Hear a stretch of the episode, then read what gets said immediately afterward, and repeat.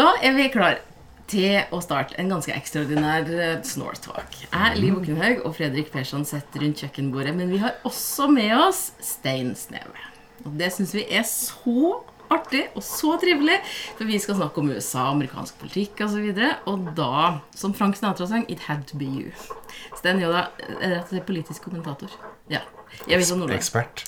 Ah, ekspert, må vi kunne Ja, si. Ja. Ekspertkommentator, kanskje. Eh, og i den anledning er han Fredrik bruker vi har en sånn lei, men veldig koselig tendens til å spise kake mens vi har podkast. Og i dag så måtte jeg jo lage noe helt annet enn jeg laga før. Har dere sett Mrs. America, noen av dere? Ja. Ja, Ja. begge to? Kate Blanchett, sant. Yes. Ja. Jepsi pepsi. Der er det en sekvens der det blir slått tvil om en persons eh, politiske ståsted. Og da sier Kate Blanchett nei, nei, nei, nei, nei, er på våre side. She is as American as apple pie. Ah. Så vær så god. Her er amerikansk apple pie. Og som du vi skal huske på hva vi snakker om, så er det altså forma bokstavene USA. Ja, skal du ta bilde av den, så du kan legge det ut på, på den etterpå? Selvfølgelig skal jeg det. Og så skal jeg gå og hente isen, for vi må jo ha a scoop of ice cream ved siden av. Men Så... da tror jeg vi er good to go. Altså. ja, vi starter Ståltak.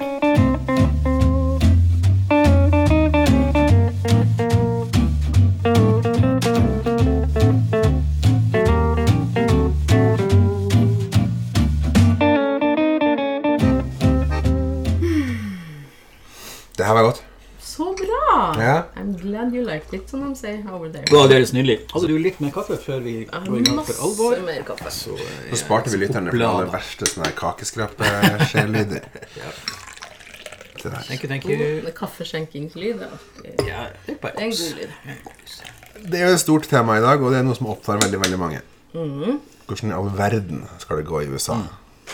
Um, jeg har fulgt det lenge. Jeg er jo litt sånn USA-nerd. Du er det, ja. Ja, Ja. veldig. Men uh, vi måtte jo toppe det. Så vi har jo da fått hjelp av Stein. Um, kan du gi oss en sånn recap? Fire år siden, Stein. 2016. Fire år siden så satt eh, vi to USA-nerder og en USA-nerd til eh, og skulle liksom være eksperter i, Ja. I et eh, panel eh, på uh, Sports var det vel da. Det var det. Eh, og vi ble bedt om på et tidlig tidspunkt på kvelden å liksom tippe eh, hvordan det kom til å gå. Eh, og jeg tror jeg var den minst optimistiske når det gjaldt Hillary Clinton. Jeg trodde bare hun ville vinne med, med, med noen, nær sagt noen hundre, noen hundre valgmenn. Eh, og alle meningsmålingene visste det, og alle var klare over det. Og så, så starter det jo med at uh, det ser veldig bra og det ser ut som vi får rett. Og så plutselig så begynner noen merkelige resultater å komme inn. Og i løpet av den natta så gikk jo på en måte alt i Donald Trumps favør. Eh, og eh, det ble en litt sånn matt stemning der man satt, både fordi at eh, vi jo hadde drett oss ut i forhold til Egentlig vi, altså vi, jeg, jeg vil jo mer kalle oss nerder enn eksperter, men allikevel. Vi, vi har fulgt godt med, hadde fulgt godt med i amerikansk politikk, og bomma totalt. Uh, uh, og det er for så vidt ikke noe unnskyldning at meningsmålingen uh, ga Clinton en klar fordel. Hun vant jo antall stemmer også. Men det vi på en måte hadde tatt litt lett på, var dette med vannmannsstemmer og, og ulike, og ulike eh, stater. At det amerikanske valget er jo ikke ett valg. Det amerikanske presidentvalget er egentlig 58 valg. I 50 stater og 8 territorier. Som alle har sine egne regler og sine egne opplegg osv. Og, så videre, og så samler man det sammen. Og Det tror jeg eh, vi alle tre undervurderte den gangen. Og, eh, og dermed så, så bomma vi totalt. Så det var jo på en måte, i hvert fall for meg, den følelsen jeg satt igjen av. Det her, her, her har du ikke skjønt noe. Eh, også litt sånn spenning om hvordan det ville bli med Donald Trump som president. Og det ble jo, for å si det sånn, litt spesielt. Jeg husker jo at vi satte bort champagnen og fant fram Jegermeister. ja. Du gråt, gjorde du ikke det? Ja, jeg kom hjem halv seks om morgenen. Jeg var litt opptatt på å komme liksom halv seks og ikke halv sju, fordi at ungene skulle på skolen og sånn. Så jeg møtte jeg kona mi i døra, og jeg, hun lurte på om hun hadde dødd. Ja. For jeg var ust- ustyrtelig. Jeg hadde gleda meg til Hillary-fest 2016. Det ble ikke sånn. Nei. Men så er det jo sånn at tida går jævlig fort. Det har gått fire år. mm, i november nå, så skal det velges på nytt. Kan, kan vi prøve å oppsummere fire år med The Donald som president? Ja, de fire årene med, med The Donald som president er jo, sånn som jeg ser det, tosidig. Eh, Det ene er jo, eh, som Trumps tilhengere ynder å si, og der har de mye rett. Donald Trump har gjennomført veldig mange av sine valgløfter. Eh, Det er valgløfter som, eh, som vi kan sitte her og mene er helt forferdelig. Eh, Og eh, imot både USAs interesser og medmenneskelighet og kalle hva du vil. Men Donald har levert eh, i stor grad til de som valgte ham. Eh, og det, det må man aldri glemme når man sitter nå og lurer på, på hvorfor en sånn i anførselstegn idiot kan være så populær i USA. Det har sin forklaring. Ja, Vi skal ikke glemme det. Vi skal heller ikke kimse av det. Nei. Nei. Det- Eh, og det er politikere som faktisk gjør det de sier, er ikke så veldig vanlig i dag. Eh, så Obama, for eksempel. Obama, det har vi glemt. Valget av Obama var også et protestvalg. Han var ny, han kom utenfra, han skulle rydde opp. Obama klarte aldri å gjøre det. Obama ble en helt vanlig president. På godt, vil jeg si, men, men også på ondt for de som hadde stemt på han. Og Derfor var det såpass mange som stemte Obama i 2008 og 2012, som endte opp med å stemme Donald Trump i 2016. Så, så det, er den, det er den positive sida av det. Eh, I hvert fall for de som stemte på han. Det negative er jo at han i økende grad eh, har gjort alt han kan for å undergrave eh, demokrati og de demokratiske institusjonene i USA. Eh, det ene er jo at han lyver sånn i gjennomsnitt en ti-tolv ganger per dag. Eh, og det andre er jo at han bruker statsapparatet til å tjene sine egne interesser, både økonomiske interesser ved at han konsekvent innlosjerer gjester og tar i bruk og Secret Service bor på hans hoteller og betaler i dyre dommer. Eh, og det er en økonomisk som egentlig ikke er tillatt ifølge, ifølge amerikansk lov. Eh, og det andre er at han bruker det til å belønne sine tilhengere, de som på en måte er hans venner, og straffe de han er mot. Eh, og nå har han fått en justisminister etter hvert, endelig, som stort sett gjør som han vil. Så, så, så, så denne dobbeltheten er uh, Donald Trump på en måte. Jeg skjønner hvorfor uh, hans tilhengere gjerne vil ha han gjenvalgt, men jeg skjønner kanskje enda mer hvorfor hans motstandere og de som har sett dette skjedd, sier at dette er det viktigste valget på, på mange mange år i USA, og ønsker han ut. Når vi snakker om den politikken som han eh, har eh, holdt ord på, så er det jo snakk om å trekke USA ut av Parisavtalen. Det er eh, WHO. Eh, det er jo å få inn stokkonservative dommere i alle mulige dommerkretser som er mulig å få inn. Og nå da sin andre høyesterettsdommer. Ja. Eh, Brett Kavanaugh den første. Og nå da Amy Kloppberg. Klopp... Nei, Barrett. Barrett. Barrett. Ja. Du tenker på Ruth Bader Ginsburg. Nei, nei, nei. Hun døde. Ja, ja. What?! Nei, du tenker på Amy Klobuchar. Klobuchar, ja. ja. Som var presidentkandidat. Men Ja, ja, ja. Ruth, Ruth jeg skulle si, jeg skulle til å si Amy, Amy Bader Ginsburg. Amy Barrett et eller annet. Judging Amy. Judge Amy, Judge Ja, ja. Judge. Og, og ikke minst, eh, så har han faktisk, selv om eh, det er løftet om å bygge muren jo ikke ble oppfylt, så har han faktisk uh, stramma kraftig inn på, på når det gjelder innvandring til USA. Mm. som man nok mener var en veldig viktig grunn til at veldig mange stemte på ham i, eh, i 2016. Og det, det tenker jeg at det der er jo en sånn, sånn paradigme. Fordi at tidligere republikanske presidenter, senest eh, George W. Bush, som vi også likte å hate for så vidt, eh, var jo litt motsatt. Han var jo drev valgkamp på spansk eh, i Texas, New Mexico. Eh, Snakka veldig mye om a nation of immigrants. Hva, hva tenker du har skjedd med det demokratiske partiet? Republikanske, mener du. Republikanske Ja. partiet. Nei, altså det det, det, det som har skjedd med det republikanske partiet, er det mange har kalt det en hostile takeover. Eh, altså Donald Trump står for omtrent det stikk motsatte av det det republikanske partiet tradisjonelt har stått for. De har vært veldig opptatt av det de kaller character, altså personlighet, integritet. De har vært veldig opptatt av og, eh, frihandel. De har vært veldig opptatt av eh, allianser, det å samarbeide vestover, stå mot Russland. Og de har vært veldig De har ikke vært positive til, til ulovlig migrasjon, men de har vært veldig opptatt av at USA is a land of immigrants. Uh, Reagan gjorde jo et kjempepoeng av uh, å åpne opp USA og ta imot, og det, det, det gjorde Bush også. Så det er en slags hostile takeover.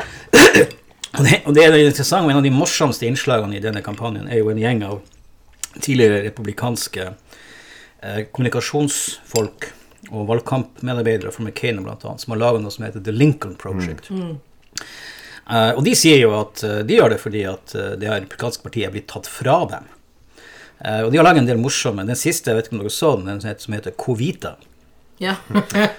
Den er liksom sånn der oh, parodi Evita-scenen videre. Sånn der, Don't cry for me, White House staffers. The truth is, I will infect you. All through my tweeting my wild existence, I broke my promise, won't keep my distance. Altså, det er, det er, det er utrolig morsomt. Og, den, og det, de, det, det de gjør, de irriterer jo Trump så mye at han går til rasende angrep på dem. at De er losers. ikke sant? Dette er republikanere som tapte kampen om det republikanske parti, derfor er de sur. Det, er- hans tweet fører til at de får flere seere. Altså det. Men deres poeng er det som er poenget, og som veldig mange mener, at Trump har tatt over det republikanske partiet. Og det er ganske oppsiktsvekkende at da det republikanske partiet hadde, hadde landsmøte i år, så vedtok de ikke et nytt partiprogram for neste periode. De bare slo fast at vi står for det Donald Trump til enhver tid står for. For det vanlige er at man velger en plattform. Man lager en plattform. Nå- skal det sies at amerikanske partier er ikke som norske partier. Amerikanske partier er stort sett valgkampmaskiner for, for individer. Eh, på alle nivåer. Fra guvernørvalg til Og det, i USA er det valg hele tida. På ulike nivåer. Og, og vidt dommervalg og presidentvalg. De har aldri vært noe sånn eh, verksted for å utvikle politikk. Det skjer i Kongressen når de ikke har flertall, og så er det Det hvite hus når de har flertall. Eh, Så partiene har egentlig alltid vært som valgkampmaskiner for enkeltindivider. Men, men dette er første gang man på en måte bare dropper alle tiltak for å se ut som et vanlig parti, og bare bli en valgkampmaskin for, for Donald Trump. Hva tror du det gjør med systemet, da, Stein? Eksempel når du har en, eh, en representant i, i huset som annethvert år må ut på valg. Det vil si at 50% av tida di så er du i en eller annen valgkamp. Det kan jo ikke være sunt. Altså, du, får jo aldri tid til å drive politikk. får det? Du skal, det er fundraising, det er penger altså, Nei, altså, altså Kongressen, altså det laveste kammeret, er, er, er det ganske håpløst å drive politikk. Og det er blitt mer og mer håpløst. Men det har veldig mye med, med, med polarisering å gjøre, at man ikke kan, kan samarbeide på tvers.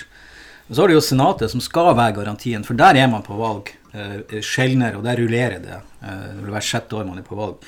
Eh, sånn at, eh, at eh, amerikansk politikk blir, blir veldig fragmentert, og det er veldig vanskelig å være, å være langsiktig. Det blir veldig mye særinteresser. For det er klart, kommer du fra et lite distrikt i Maine eller Arizona eller et eller annet, og skal ha gjenvalg om to år, så er de alltid opptatt av det å sørge for at det blir bevilgninger eller til akkurat ditt område. Du, du driter på mange måter i helheten. Eh, og i tillegg så må du ut og samle penger. Så om ikke halvparten altså, Man kan egentlig si at kampen for gjenvalg begynner omtrent den dagen du tar plass i, uh, i Representantenes hus. Eh, og, og det siste året du sitter der, eh, eller det andre året, som fort kan bli det siste, da er det, egentlig det eneste som opptar deg. Så det, det er en veldig sånn usunn, eh, et usunt trekk ved, ved det amerikanske systemet. Det ble jo innført eh, da USA ble stifta, for, å- for å hindre at folk liksom skulle bli grodd fast, og, eh, og man skulle ha nye folk inn, og det skulle være gjennomstrømning, og folket som kom inn. En god tankegang. Men stort sett så blir veldig mange av disse blir jo gjenvalgt. Fordi For det er en enorm fordel å være sittende representant. Da får du penger, og så blir du gjenvalgt. Så man opp- oppnår i grunnen ikke det heller, eh, som man ønsker. Så, så det er til meg mening en av de verste sidene ved det amerikanske eh, politiske systemet. Jeg, husker jeg trodde da, da Trump ble valgt for fire år siden, og vi var inderlig sjokkert alle sammen, så tenkte jeg du gikk jo hjem tidlig. Jeg gikk hjem tidlig, for jeg skulle opp tidlig neste morgen. Husker jeg beroliga deg. Ja, du beroliga meg. Slapp av, du vinner uansett. Det går bra. Så våkna jeg her sju neste morgen og skulle bare se kjapt på mobiltelefonen eh, hvor mye Hillary vant med. Ja. ja. Men, men eh, da etter hvert så begynte jeg å tenke Men hvor mye gærenskap kan det egentlig gjøre? Han har jo, altså Det fins jo grå eminenser overalt i partiet og rundt omkring i Det hvite hus videre, som sørger for å holde de tøyene. Han har jo sparka dem. Er det er jo ingen som klarer det. Han er jo den der berømmelige løse kanonen, altså. Og nå er det snakk om blodbad og borgerkrig hvis ikke han blir verd osv. Det, det gikk verre enn jeg trodde, må jeg si. Eh, ja, altså grå eminenser Ja, det er jo mange av de i det tradisjonelle eller The Deep partiet. State, som Trump kaller dem for. Det er sånn. Er det forresten noen som vil ha mer is, for jeg har sett den i fryset? Nei takk. Ikke Jeg, en jeg liten tar- Ja, det gjør det. jeg gikk litt overboard. Jeg tok hele S-en i USA. Ja, men det var ved rundt, Fredrik. Var det, var det mandelmasse, det? litt iste Ja, kaffe. det er Ja, mandelmasse. nydelig. Ja. nydelig. Og så må du ta mer pai, Stein. Den var jo fantastisk, det var, bare si. Det blir ikke mer amerikansk enn det her. Nei. Nå er vi erkeamerikansk. Jeg skal også ta en liten bit. Som vi har sagt til Stein før, vi bruker som regel å være litt kvalm når vi snakker på snartak. Og, og høy på blodsukker. Denne kaka her er sånn godkvalm, vil jeg si. Ja! Når, når George W. Bush vant, Ja. det så så man jo Man var jo usikker, for at han var jo eksalkoholiker som eide et fotballag i Texas. Mm. Men så får han jo med seg på laget eh, James Baker, blant annet. Donald Rumsfeld. Han henter jo hele galleriet til faren sin, nesten. Det har vi jo ikke sett nå. Nå kommer det jo folk fra Trumps nære krets uten politisk erfaring. Og man prøvde vel da med General Mathis å få litt styr på det her. Det varte jo kort tid. Så I begynnelsen så gjorde, så gjorde faktisk Trump en, en god del av det. Han henta inn ikke nødvendigvis folk med, med tung politisk erfaring, men han henta inn folk med, med solide bakgrunn. Rex Tillerson ble utenriksminister. Han har leda Exxon i årevis. Har jobba veldig mye med oljeutvinning og kontakt med, med Russland. Er bekjent av Putin. Eh, jeg vet ikke om det telte til hans fordel overfor Trump, sannsynligvis. Mathis ble forsvarsminister, høyt dekorert general. McMasters ble nasjonal sikkerhetsrådgiver, også en høyt dekorert militær. Uh, Reince Priebus, som har vært en, en insider i, eh, i uh, det republikanske partiet, har ledet det i mange år, ble stabssjef. Da han ble bytta ut, så kom John Kelly, som hadde vært uh, Homeland eh, leder av Homeland Security i flere år, inn. Det var de som kalte seg The Adults in the Room, mm. altså de voksne i rommet. Men de voksne i rommet klarte å holde Trump til en viss grad i kontroll de to første årene. Men så, begynte, men, men så blir han på en måte varm i stolen, og da begynner han å fjerne dem én etter én etter én, og erstatte dem med folk hvis fremste kvalifikasjon er at de er 100% lojal til Donald Trump. Aldri sier han imot. Eh, og Det er jo det som har skjedd. Så, så det kabinettet han har nå, det består sett av folk som ikke nødvendigvis er inkompetent, men som er valgt fordi de er lojale til Trump, og ikke nødvendigvis fordi at de har egne meninger. Det er faktisk en ulempe hvis de har egne meninger. Kan kalle det, kan kalle det nikkere, kanskje. Ja. Ja, det kan vi godt gjøre. Vi har jo også Betzy DeVos, som er utdanningsminister i USA, som mener at hjemmeskoling er den beste måten å bli undervist på. Ja, og gjerne, eh, gjerne også med eh, kreati kreasjonisme. ja. Ja, ja, ja. Og eh, hun ble utnevnt veldig tidlig, og sammen med jo lederen for eh, Miljøverndepartementet, som jo hadde argumentert i, i mange år for å legge ned hele skiten, fordi at det ødela amerikansk næringsliv. Eh, og jo mener at klima, klimatrusler er en ren, ja, ren bløff. Hoax, som de gjerne bruker. En hoax, ja. Så, så jo da, det, det har vært eh, Det har vært eh, den type der også. eh, Men, men, men Bessie Voss kan jo si Hun har jobba med skole i, i mange år og har erfaring fra området. Ikke som skoleleder, men, men, men som skoleinteressert på en måte. Men så står jeg for en politikk som, er, som vi syns er ganske rar. Eh, Men det som har bekymra mange, det er, jo, det, er to, det er jo særlig det med, med forsvars- og sikkerhetspolitikk, som går på nasjonal eh, sikkerhet. Og, og så er det Justisdepartementet, som handler om, om si, rettferdighet og et rettssystem som fungerer. Eh, der skjedde jo kanskje det mest dramatiske skiftet da, eh, da den, den forrige justisminister, som i Trump brukte enhver anledning til å, til å mobbe Jeff Sessions fordi han hadde eh, erklært seg inhabil i, i, i Russlands etterforskninger. Så kom William Barr, og da William Barr kom, så har jo Trump fått det som han vil. Eh, flere av hans tilhengere som ble dømt, har jo senere fått redusert straffen, mens eh, de som kritiserer han, eh, i økende grad blir etterforska. Eh, Men, men, men William Barr jo ikke, eh, gjør jo ikke alt Trump Det siste er jo at Trump hadde jo en stor sak hvor han skulle avsløre at Obama og Biden og andre hadde spionert på han og liksom var eh, største politiske skandalen. At Fox har kjørt knallhardt på dette, at de hadde overvåka folk rundt ham. Blant annet, eh, eh, eh, hans første nasjonale sikkerhets... Nei, hans, ja, hans første som måtte gå av. Eh, og Barr starta en tung etterforskning, og den ble jo nedlagt i går. Eh, uten at man reiser sak mot noen. Som er nedlagt. Ja, eller den, Han som uh, drev etterforskninga, slutta, og det kom ingen rapport. Så den er avslutta uten noen konklusjon.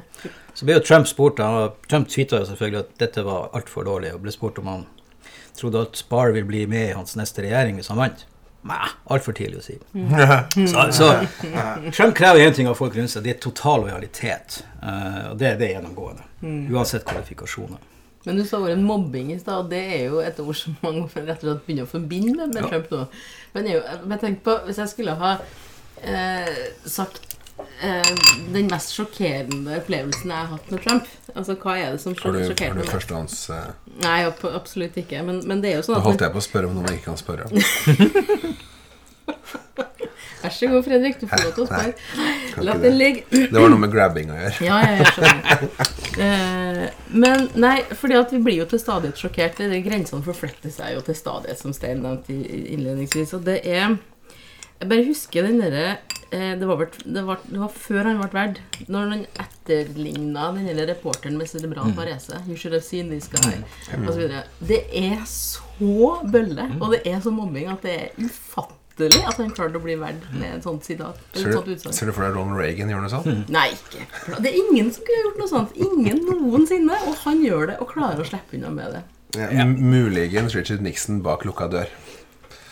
Ja, men den måtte ha vært bolta, tror jeg. Det, jeg tror ikke man slapp unna med Nei, det går ja, sikkert, ikke an. sikkert spilt inn på lyd. Ja. Nei, men det, er jo, men det er også som du sier, at Trump er et, det er et nytt dyr i, i, i amerikansk politikk. Og de har vi sikkert funnet, men de har aldri blitt valgt av noe som helst eh, tidligere. Det er som du sier, at mange av oss var jo kritiske til George W. Bush og hans agering, og ikke minst i forbindelse med Irak-krigen osv. Men han fremstår i dag som et Ja. usedvanlig vellykket, velbalansert og fin president sammenligna med, med Donald Trump. Ja, for det er jo ingen tvil om at det bl.a. George W. Eh, utsatte Colin Powell for i FN, var jo ganske brutalt. Altså, du finner på at det er weapons of mass destruction i Irak for å kunne ta den diktatoren pappaen hans. Han hadde aldri klart det. Samtidig så har han jo oppført seg. ja, gjør det. Han har jo ikke vært et rasshøl. Nei, Han står jo for en politikk som er fullstendig vill for oss. Men bare Altså eh, jeg, jeg tar meg sjøl ofte i å sitte og se på sånne gamle amerikanske YouTube-klipp. Typ gamle presidentbegravelser og litt sånn. Jeg syns det er stas. du er nerd. Ja, jeg er litt nerd. Herlig. Så snubla jeg over den første talen til George W. Bush etter at Obama ble president elect. Ja. Og så, og så tok jeg meg sjøl i å tenke Ja, men helvete, da. Vi gikk jo rundt og sa at George W. Bush ikke evna å snakke. ja, ja, ja. Han holder jo en helt superfin tale og gratulerer og er sånn som man skal være. ja. Og det øyeblikket i McCain sin begravelse når han og Michelle Obama spanderer tyggis eller halsdrops på Ja. Altså, det er jo det er sånn rørende. Ja, for det der har jo nesten blitt en sånn greie. Akkurat som uh, Biden og Obama, så har Michelle Obama og George W. Bush blitt en sånn, Ja, ja, ja. sånn uh, internettfenomen. Ja da, og de, og de er visstnok blitt, uh, blitt kjempe, sånn, veldig tette venner. Eh, mer enn fru Bush og, og Obama, så er de to virker, det, det er i hvert fall det som sies, virkelig funnet tonen. Eh, altså, ikke politisk, men som, som mennesker. Eh, og eh, og eh, det er jo det som er på en måte problemet med Trump. Så han er jo ikke alene. Eh, Du har jo en Bolsonaro i, i Brasil som har mye av den samme stilen og mye av den samme retorikken. Og som også er blitt gjenvalgt, eller som blir valgt med, med, med stort flertall osv. Og, og, og du har eh, du har diktatorer i tredje verden som er minst like gale osv. Utfordringen med, med, med, Donald Trump er at han er faktisk president i verdens mektigste land og Norges aller viktigste allierte. Det er jo den store utfordringen for oss. Hadde han vært en sånn eh, rar tredje verden-diktator, så kunne vi bare flirt av det. Det hadde ikke angått oss. Det hadde vært trist for hans folk. Men dette angår hele verden, og det angår oss eh, på en ekstremt direkte måte. Og det er liksom det som er litt spooky med, med det som skjer i USA. Og hvis vi tror at eh, Jeg vil jo si at, at sånn grovt sett så har jo de demokratiske institusjonene i USA klart å takle Trump. Eh, De har ikke gått ut, helt utover bakken. Men hvis han blir gjenvalgt, så kommer hans angrep på de institusjonene bare til å øke. Og da risikerer vi fort at systemet på mange måter bryter sammen. Og vi får et slags halvautoritært styre i USA. Som er en virkelig eh, skremmende mulighet. Vi hadde besøk av noen amerikanere eh, for eh, tre år siden. Og jeg husker de landa på flyplassen her på Værnestad. De på flyplassen, herr og fru. Og det første de sa, det var We're so sorry for our president. de, var, altså, de, de, var, de unnskyldte seg så til de grader. Og han ena, altså hun kona, hun var eh, demokrat, og mannen var republikaner. hals. Og så begynte vi å snakke om det her under et middagsselskap. Um, og så viste det seg da at han er virkelig republikaner til sin hals. Han her.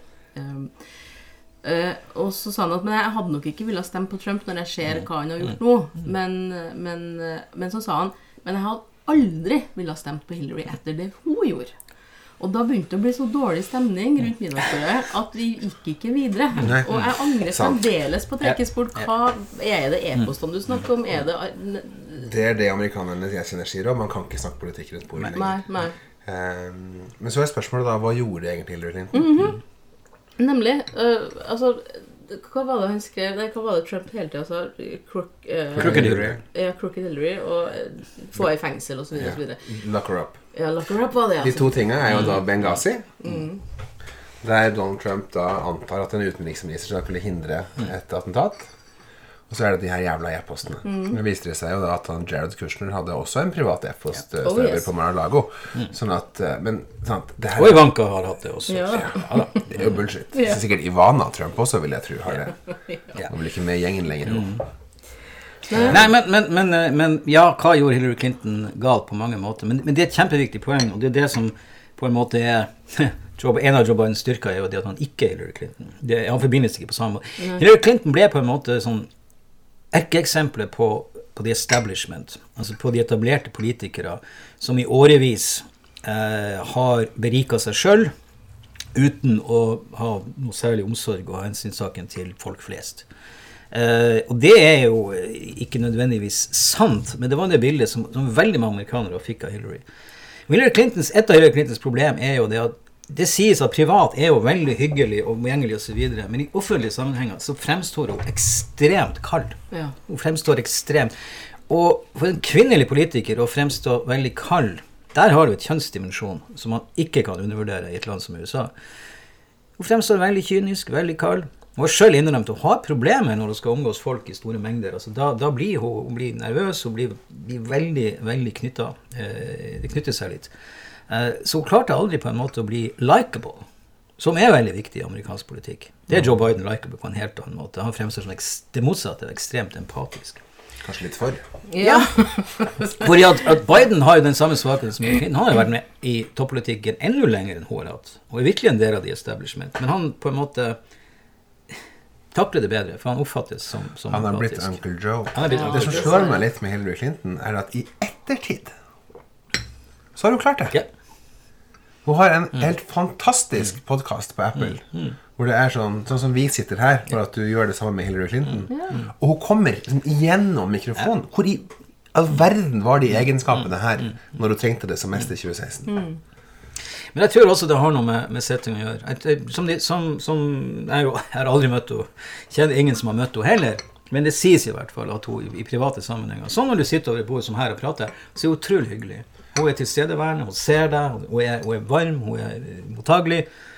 Men det er i disse store offentlige sammenhengene, som når du skal tale, når du skal møte folk i en, i en crowd, ikke sant, og de, da, da er det et eller annet som, som fryses. Altså, hun, hun klarer ikke å slappe av og være seg sjøl på samme måte. Sies det. For det var jo det eh, mannen hennes, Bill Clinton, Han var beryktet genial. for. Ja, ja, ja. At han tok et rom Yes. så man gikk inn i det. Visste du forresten at faren til Liv har møtt Lyndon B. Johnson?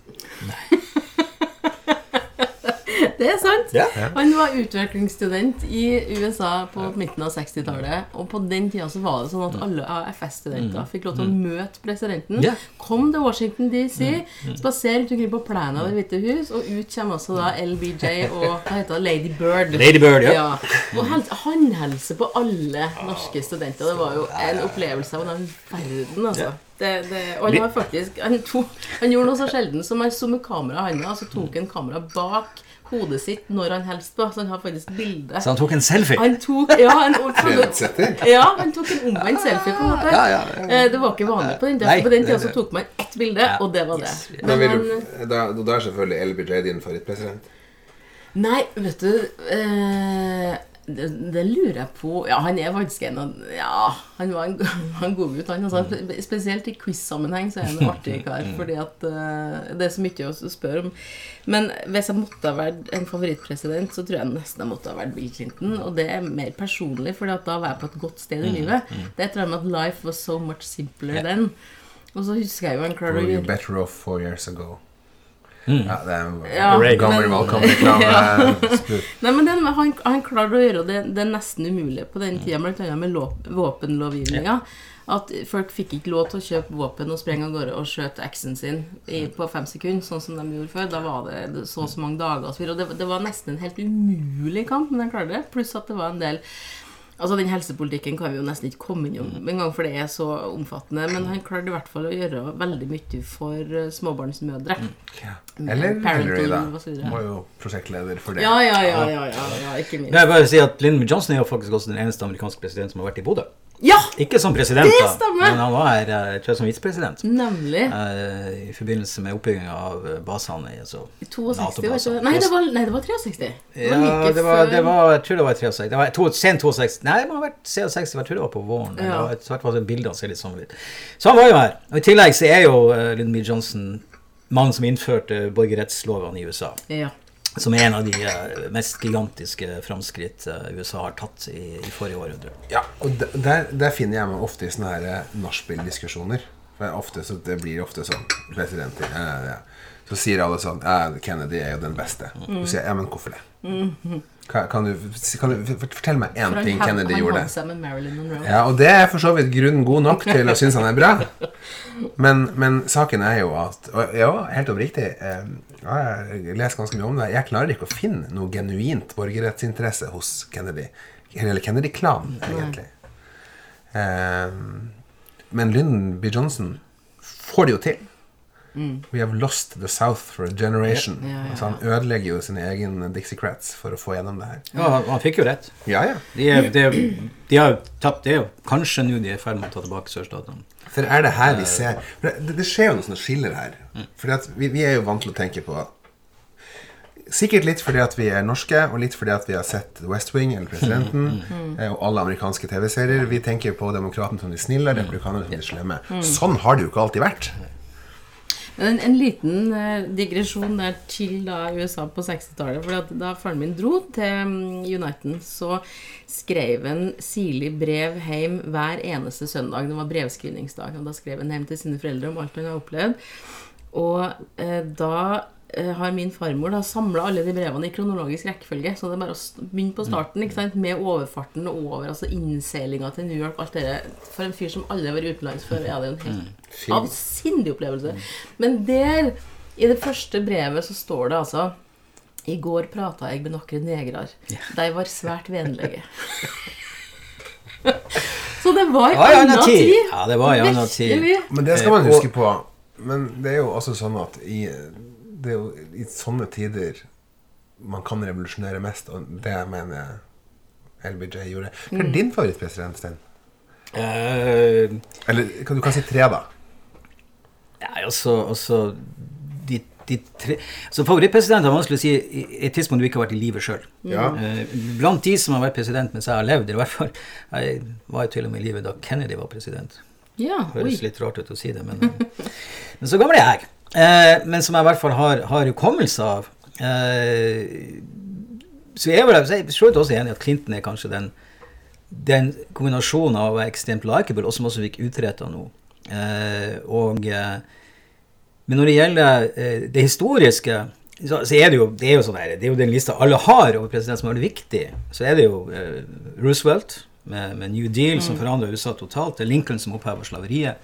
eh, og og Johnson, som, eh, som uh, fikk innført uh, er kanskje de tre viktigste presidentene i, i amerikansk historie. Hvis vi ser bort fra den aller første, men, men den aller første vil alltid være, være viktig på en måte. Eh, og eh, når det gjelder Obama, som, som jeg jo hadde store forhåpninger til, så syns jeg jo mer at der ble det fantastisk retorikk, men ikke så veldig mye gjennomslag. Bortsett fra Affordable Care Act, som jo kommer til å stå som monument over han, og som er kjempehot i, i, denne, i denne valgkampen. Men, men det er litt sånn tilbake til Lincoln og altså det du sa om det republikanske partiet. Vi har en tendens til å tro at vi, vi er de onde, og så er demokratene de gode. Fordi demokratene ligner mest på oss.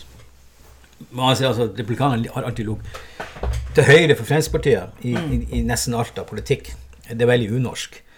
Men det republikanske partiet ble faktisk stifta som et protestparti mot, mot slaveri. Det ble stifta en utbrytergruppe fra eh, Whig-partiet som eksisterte da, eh, fordi at eh, det opprinnelige partiet var for slaveri. Så de vant, fikk sin første president i Lincoln da. Og på 1800-tallet og helt opp til 1960 egentlig, så var jo demokratiske partiet var jo partiet for sørstatsrasister. Ja. Det demokratiske partiet sto i spissen for raseskillepolitikken. og Det er derfor Johnson sier at vi har mista The South for en generasjon. Han brøt totalt med det. Etter det kom republikanerne inn og tok den posisjonen. Og, eh, og det, som, det som er interessant med det republikanske partiet, er at eh, etter valgnederlaget i 2012, da Mitt Romney tapte Før det valget så er republikanerne 100% sikre på at de kom til å vinne valget. Alle me- meningsmålingene tyder på det. Romney tørka gulvet med Obama i den første TV-debatten. Altså, dette har vi vunnet. Det er bare å sprette champagnen. Bang, de tapte.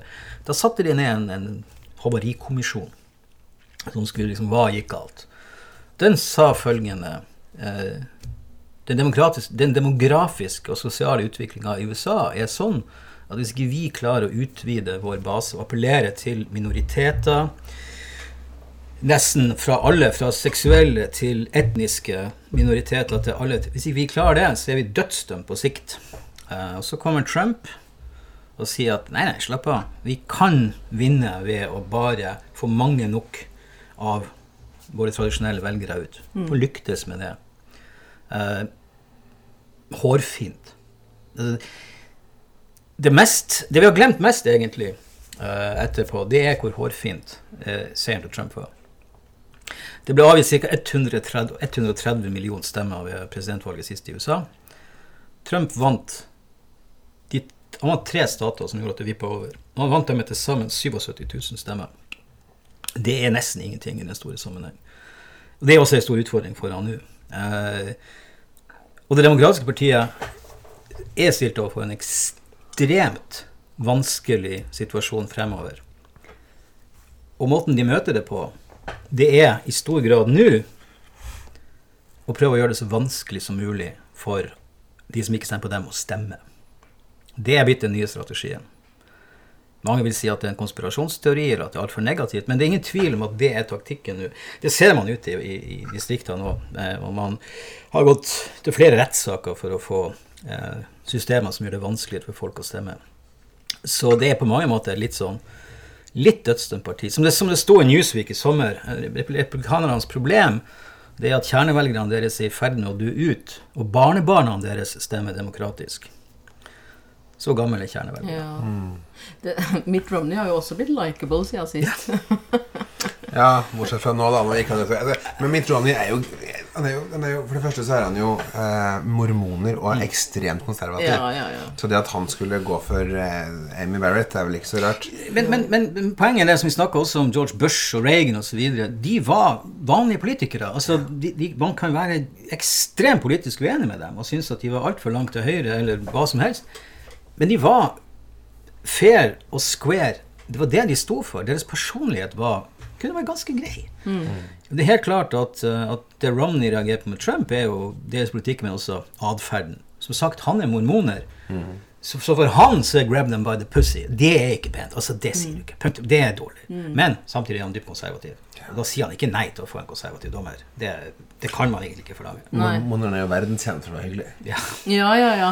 Og, Jo, jo, men i hvert fall sånn. Jo, jo, men det, Utad. det er alltid blitt. ja, men, jeg mener, og, men det er faktisk litt artig med tanke på eh, Book of Mormon, musikalen. Ja. Fordi at det fins jo ingen annen religiøs gruppe du kan gjøre narr av enn mormonerne. Alle andre enn resten hadde jo villet gått til angrep eller retaliations og hevnaksjoner og Da tror du gunner han. Miskiewicz ville ha reagert hvis eh, det var Book of Scientology? Ja, ja, ja, for eksempel. Eller uansett islam eller kristne. Altså, det, det, det, mor, mor, mormonerne kan du ikke gjøre noe med. for de smiler. De, smiler. De syns det er gøy. Og de står utenfor musikallokalet og deler ut mormonens bok. Men, men Book of Mormon er jo Ja, den er en latterliggjøring av mormonertroen. En men det er jo først og fremst en latterliggjøring av ledelsen, av kirken, av, av, av av makteliten.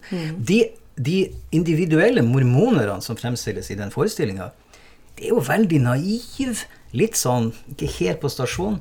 De drar altså frivillig til, til Uganda for å bekjempe aids og utsette seg sjøl for stor fare. Ja, de- altså, det, det, det er en god vilje der som kommer fram i den forestillinga. Så jeg skjønner godt at man fra mormoners side egentlig har et litt sånn splitta forhold til det. Det er et ekstremt angrep på kirka, men det er egentlig en, en veldig sånn positiv framstilling av mormonere som ja, de begår de, Det er store personlige offer for å dra ut og hjelpe folk som er, i- er i stor nød. Det Så det er noen dobbeltsidighet i, i den, i den eh, musikalen som, ikke, som jeg ikke tror alle har fått med seg. Det er jo mer søkende mennesker Ja, enn ja, eh, ja. en, uh... Han gjør veldig lite narr av den individuelle mormoner i den forestillinga. Ja. Det, det er kirkens ledelse som på en måte får uh, gjennomgå. Hasadiga Iboai. um, Men du, du har ikke fått spørsmål ennå hva som er din favorittpresident. ja, det kommer litt an på. Det, LBJ er min favorittpresident. Jeg liker han. Men den kuleste presidenten er jo Teddy Roosevelt. Ja. Ingen blir kulere enn han. Han var president. Han kunne finne på å stikke av han og være borte en måned. Og på jakt. Det gjorde han. Han satt og skøyt øh, bøfler fra ta togtak. Det gjorde han. Oi, ikke det. Ja, ja, ja. Det er en helt annen tid. Og han var republikaner. Han var republikaner. ja, Ja. Og han var jo ekstremt populær når han var president. Theodore Roosevelt. Eh, Som vel er en, er en fjern tremenning Ja, ja av et, stykke, Ja. en menning. Et stykke ute. Ja. Tre eller fire menninger av, Og han fikk fredsprisen i 1905. Ja, Ja, tidlig på kan kanskje stemme. Ja, kan stemme. Tidlig på, på Og 1900-tallet. Teddy oppkalt Ja, etter ham. og Teddy Bjørn. Og Teddy Bjørn. Ja. Så han har satt spor etter seg. han har satt spor. Apropos satt spor etter seg. Jeg fikk vel å bygge Suezkanalen. Så, så han, Ja, han ja, gjorde ja, jo ja, Ja, ja. Nei, Panama. Panama. Ja. Unnskyld. Unnskyld. I stand corrected. Ja. Men altså LBJ eller Roosevelt? Din. Nei, altså Ja, men jeg, jeg tenker spesielt på det her med gjennomføringsevnen til den her halvalkoholiserte mannen fra Texas, som gjerne satt på dass når han tok eh, avgjørelser. Som, Og ikke minst, han, ja, fra et quizmaster-perspektiv, han hadde også visstnok den største penisen av alle amerikanske presidenter. han var et navn på den også. Yes! Og vet dere hva det var? Jeg husker ikke. Jumbo. Selv, selvfølgelig. Si seg sjøl. Si Ja, ja. Nei, og, og, og han Finnes det var noen målinger på det? Helt sikkert. Alt finnes på nettet. Uh, og, og han var i utgangspunktet egentlig en ganske dypt konservativ sørstatsdemokrat, eh, som Kennedy valgte fordi han ble, ble oppfatta for For det første var han katolikk, og for det andre som var veldig liberal. Så han måtte ha en til å balansere seg. Så det er et lite paradoks. eller Det er kanskje derfor at LBJ kan gjennomføre det. Fordi at eh, det er litt sånn som Nixon kan dra til Kina, for ingen vil mistenke han for å være kommunist. Yeah. Så kan LBJ gjøre det her, for ingen vil mistenke han for å være soft on the negros. ikke sant? Fordi at han har en... Som var et begrep. Ja, ja, ja. Men her kommer jo skillet, og det, det som skjer her, er jo legendarisk. Eh, anført av Strom Thurman, en legendarisk eh, superrasist eh, fra sørstatene. Senator, kjent for å være den som har verdensrekorden i filibuster. Ehm, ja, 24 timer. jeg husker ikke. Jo, er hva filibuster er. Det er jo da en måte å uttale en sesjon på for å unngå votering, er ikke det sant? Jo, hvis du eh, tidligere eller, så måtte du være over 60 uh, senatorer stemte for for å få en rask avstemning. Men så mindre enn det, så kunne du tale og tale og tale og tale, tale, tale til folk gikk lei. Det skje, det, folk gikk jo ikke lei da, Nei. som oftest. Men det var i hvert fall mulig å ut, utsette det. Og han satte rekorden helt riktig. Jeg tror det var over 24 timer. Jeg tror det, er ja, det, det er i hvert fall Det mener jeg et døgn. Ja. Mm. han bytter da eh, side og blir republikaner. Og da har det skiftet skjedd. Og derfra så tenker vi på de som de, de gode. Men jeg vet, Må du arrestere meg hvis jeg tar feil. Men jeg mener jo at jeg begynner å se sprekker i det republikanske partiet i moderne tid allerede når de påtvinger eh, John McCain og Sarah Palin. Ja, ja. At det begynner å skje noe der med Tea Party. Eh, John McCain er jo en generelt godt likt amerikansk politiker. Ja. På, på begge sider av, eh, av partifløyene. Du, ble den påtvunget, Pelin? Ja, Ja, altså, det, det, ryktes at han vel ikke var så fornøyd. det var ikke hans første valg, for å si det sånn. Uh, men, men John McCain gjør på samme måte litt på det samme som, eh, som uh, Joe Biden gjør.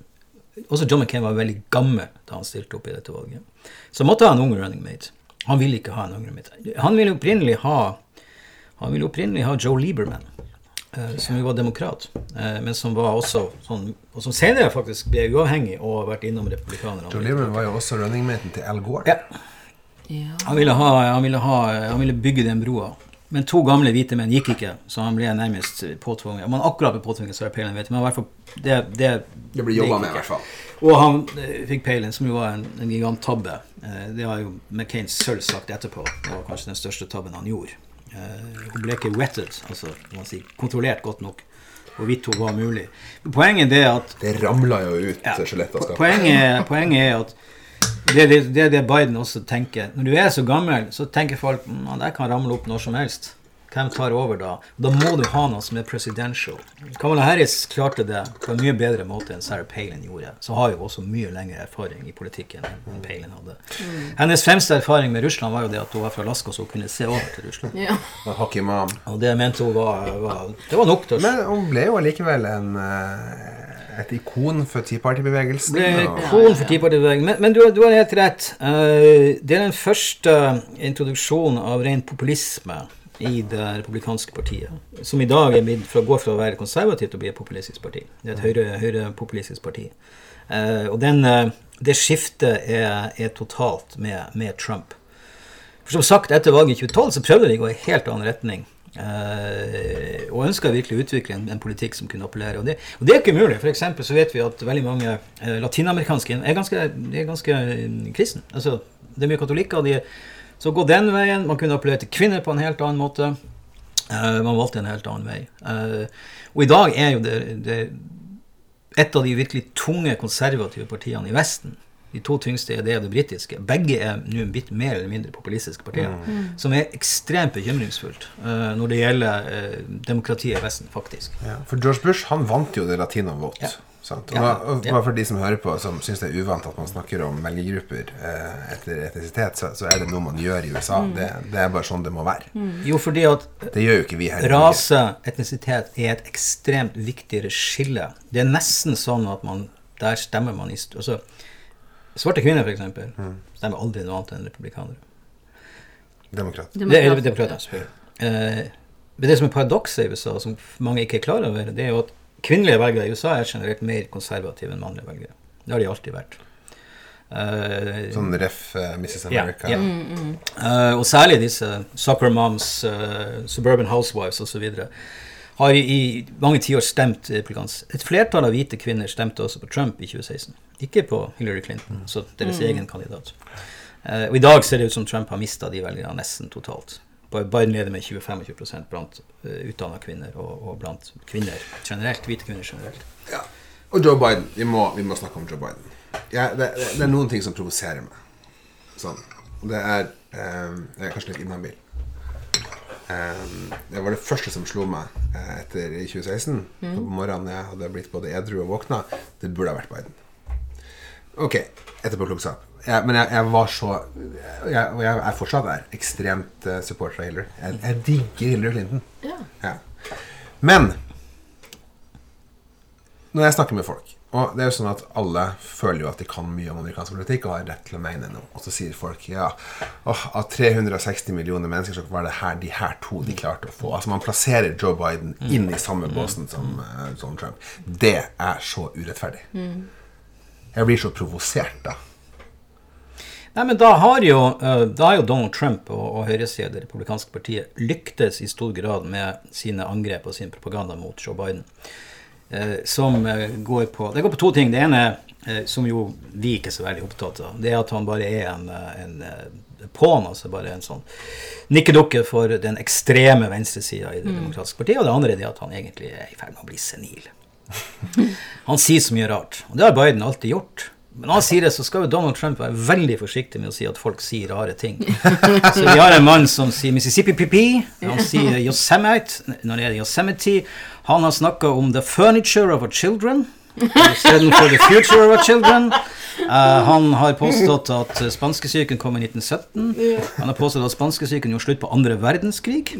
Litt tidlig å gjøre slutt på andre verdenskrig i 1918. Det var det første han mente, osv. osv. Han er notorisk for å, for å feilsnakke, og han kan knapt uttale et amerikansk ord korrekt. Og så har vi KFF, selvfølgelig. Ja, som, som er, sånn er. Så, så er det noen som snubler i ordene, så er det jo Donald Trump.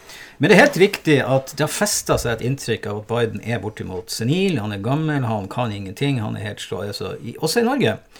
Er, fordi det er det du får høre, og det piskes inn hele tida. Men, men nå mener jeg jo også at man på en måte som vi, som vi starta med å si Heller ikke skjønner, aner å skjønne hvorfor Trump er, er populær blant 40% av innbyggerne i USA. Så i det hele tatt, vi, vi, vi, vi bedømmer ting i hvert fall i altfor stor grad ut på Mm. ting vi leser og hører osv., og, så videre, og så får vi det med, Ja. og, så, og, så, og så passerer vi folk i båser. Uh, Joe Biden uh, er definitivt ikke senil. Han er definitivt uh, Han er en gammel mann, men han er bare noen få år eldre enn Trump. Så uansett hvem som blir valgt, så blir det en av de aller eldste presidentene i, i amerikansk historie. Det blir vel den eldste. Ja, Hvis det blir Biden, så blir det den eldste som Den, blir valgt. som, ja, den eldste nå er jo Donald Trump. Ja. Så, men, eh, Joe Biden har jo Det er tredje gangen han prøver gang president. Han har jo hatt noen smeller før. Um, men han har jo en sånn evne til å si, si unnskyld og fortsette. Det er det han gjør. Yeah. Um, så, så, så har jeg også, sant, Det verserer sånne ting om at ja, det er så mange damehistorier med Joe Biden. Det er jo ikke det. Sant? Nei. Nei. Det var jo én her som jo ble debunked. Altså Det viste seg at det stemte jo ikke. Man klarte jo også å finne overføringer til det her anklageren eh, fra et eh, kasino i Las Vegas. Altså det, det her er oppspinn. Ja, Men så, så Joe Biden er en klemmer. Ja, han, har, han har litt dårlig fil på ja, folks ja, intimsoner. ja. Eh, Han er sånn som, som går bort og legger handa på ryggen, stryker folk over håret. Liksom, altså, også, håret. også når du liksom egentlig ikke vil det, folk kan ikke kjenne. Og en del kvinner vil oppfatte det som om man går veldig veldig inn i personlige sfæren deres. Det er det største problemet Joe Biden. Jeg tror aldri han har på en måte alvorlig vært anklaga for, for, for en mikrogram av det vi vet, og når Trump har gjort Ja, ja, ja. Eh, og igjen så får det, det, det Og det er jo liksom sånn her, som, som bare- viser at, som vi var inne på, den konserv, eller vi snakket om litt før, den konservative eh, be befolkningen, så veldig, veldig religiøst konservativ, men de tolererer Trumps sidesprang og hans eh, galskap og grabben på the pussy osv., mens de er veldig skeptiske for at Joe Biden han driver og tar på kvinner. Å fy, å fy, det går ikke an. Så dette er jo ren politikk. De er opptatt av én ting, og det er å få eh, konservative høyesterettsdommere. Og så lenge Trump gir dem det, så kan han på privaten gjøre hva F han vil. Han. Eh, og de, s- enkelte har jo sagt det rett ut. Donald Trump is, uh, is et redskap for Gud. Og Gud bruker ikke alltid sånne perfekte mennesker som sine redskap. Han bruker ofte litt sånne ødelagte mennesker. Fantastisk. Gud styrer Trump. Men jeg, jeg, jeg må spørre deg. Jeg, vi, jeg leste et stykke i The New Yorker eh, 14 dager siden om imaget til Joe Biden, hvor spørsmålet var For det er han jo. Eh, hvor godt salgstriks er det å bli forbundet med eh, sorg? For det er jo Joe Biden. Ja.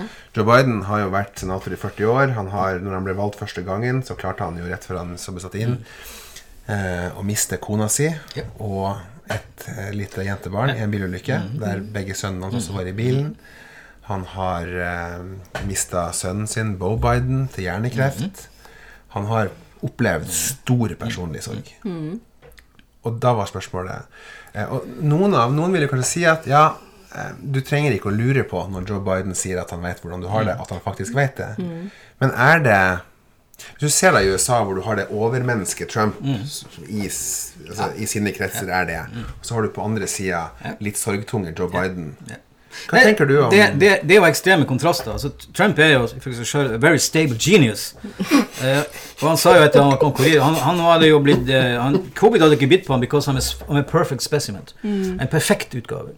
Uh, så det er hans image. Og så har du Joe Biden som, som innrømmer at han er svak, han er sorgfull, han har mista, han er Jeg tror at det nett Altså, under en vanlig valgkamp, i en vanlig situasjon, hadde ikke det noe jeg tror faktisk i år da må, vi, da må vi snakke om det som er den totalt dominante nå når det gjelder den amerikanske valgkampen, og det er covid-19. Det er korona. Og i en periode hvor ja, Før valget er sannsynligvis 230 35 000 amerikanere å dø av, av covid. Mange har vært innlagt på sykehus. Mange har mista noen. I tillegg så har du en, en, en, en krise som har gått, pågått mye lenger, som er nesten like alvorlig. Opi, opioidkrisa, Mm, altså overdødsfall osv. Så, videre. så i, i disse årene er det utrolig mange amerikanere som har mista noen eller kjent noen. Så da tror jeg faktisk ikke det er noe ulempe eh, å bli forbundet med sorg for Joe Biden. Det kunne ha vært det i, i en normal valgkamp. Eh, jeg tror Trumps problem er det er aksentuert etter at han ble frisk av, av korona. Det er jo det at han var omtrent drit i det. Altså, det er utrolig interessant å se Trumps strategi etter at han kom ut av sykehuset. Eh, Før det så prøvde han jo å vri oppmerksomheten bort mot Black Lives Matter, opprør og, og, og lov og orden, og beskytte mot disse farlige svarting, svartingene som, som liksom kommer inn i, eh, i og tar forstedene deres. Og så skal han ha oppmerksomhet om ny høyesterettsdommer. Nå har han også all fokus på covid. Og det er jo fordi at det er jo det folk snakker om. Det er det eneste, eneste som betyr noe. The? China virus. Og, og han, det han har gjort nå, det han har gjort nå er jo det er jo nesten å omfavne. Eh, Og nå, det siste jeg hørte, at du, står Det hvite hus offisielt for en såkalt herd immunity-strategi, eller herd mentality, som Trump kalte det i. This is, this is herd mentality. This is a herd, herd, herd, herd rate. Altså, igjen, uh, Joe Biden skal liksom være eh, dårlig å snakke og senil. Uh, nå er det jo ingenting som tyder på at Trump er senil heller, det, bare for å fjerne det av bordet. Men, men han, han sier feil ting mye mer enn Biden. Herd mentality, herd, som jo er den, den, Det er et helt greit uh, standpunkt å stå på. Mange, mange vil være enige. Men det vil sannsynligvis innebære ikke 200 000 døde, men 2 millioner døde. Og, eh, og han har jo også litt sånn omfavna at vi må tåle noen dødsfall for å holde økonomien i gang og komme oss videre. Eh, det gjør han ikke populært blant eldre velgere, som jo dør som flue i denne epidemien. Eh, det var jo en det var jo Viseguvernøren i Texas sa jo i, i mars allerede at han mente jo at han kjente eldre folk, og jeg vet mange av dem var villige til å ofre livet for å sikre et eh, USA som de elska for sine barn og barnebarn. Det var ikke noe populær uttalelse, men nå sier Trump bortimot det samme. Og den andre gruppa han har tapt, som også tradisjonelt stemmer republikansk, det er eldre velgere. og De har stemt republikansk de siste fem-seks valgene. Der er også Bidens ledelse nå 20, over 20 på, Og det kan, jo, det kan jo tippe valget, fordi at Ikke minst i Florida. Florida ja. Minst i Florida. Der uh, Ja. det er en stor Ja. eh, andel av folkene som er eldre. Og eldre stemmer. De er trofaste stemmere. De er trofaste stemmere. Ja. Og de gikk på en måte over De har vært demokratiske mange ganger, så gikk de over til republikanerne på, på 2000-tallet og har stemt republikansk ved de siste valgene.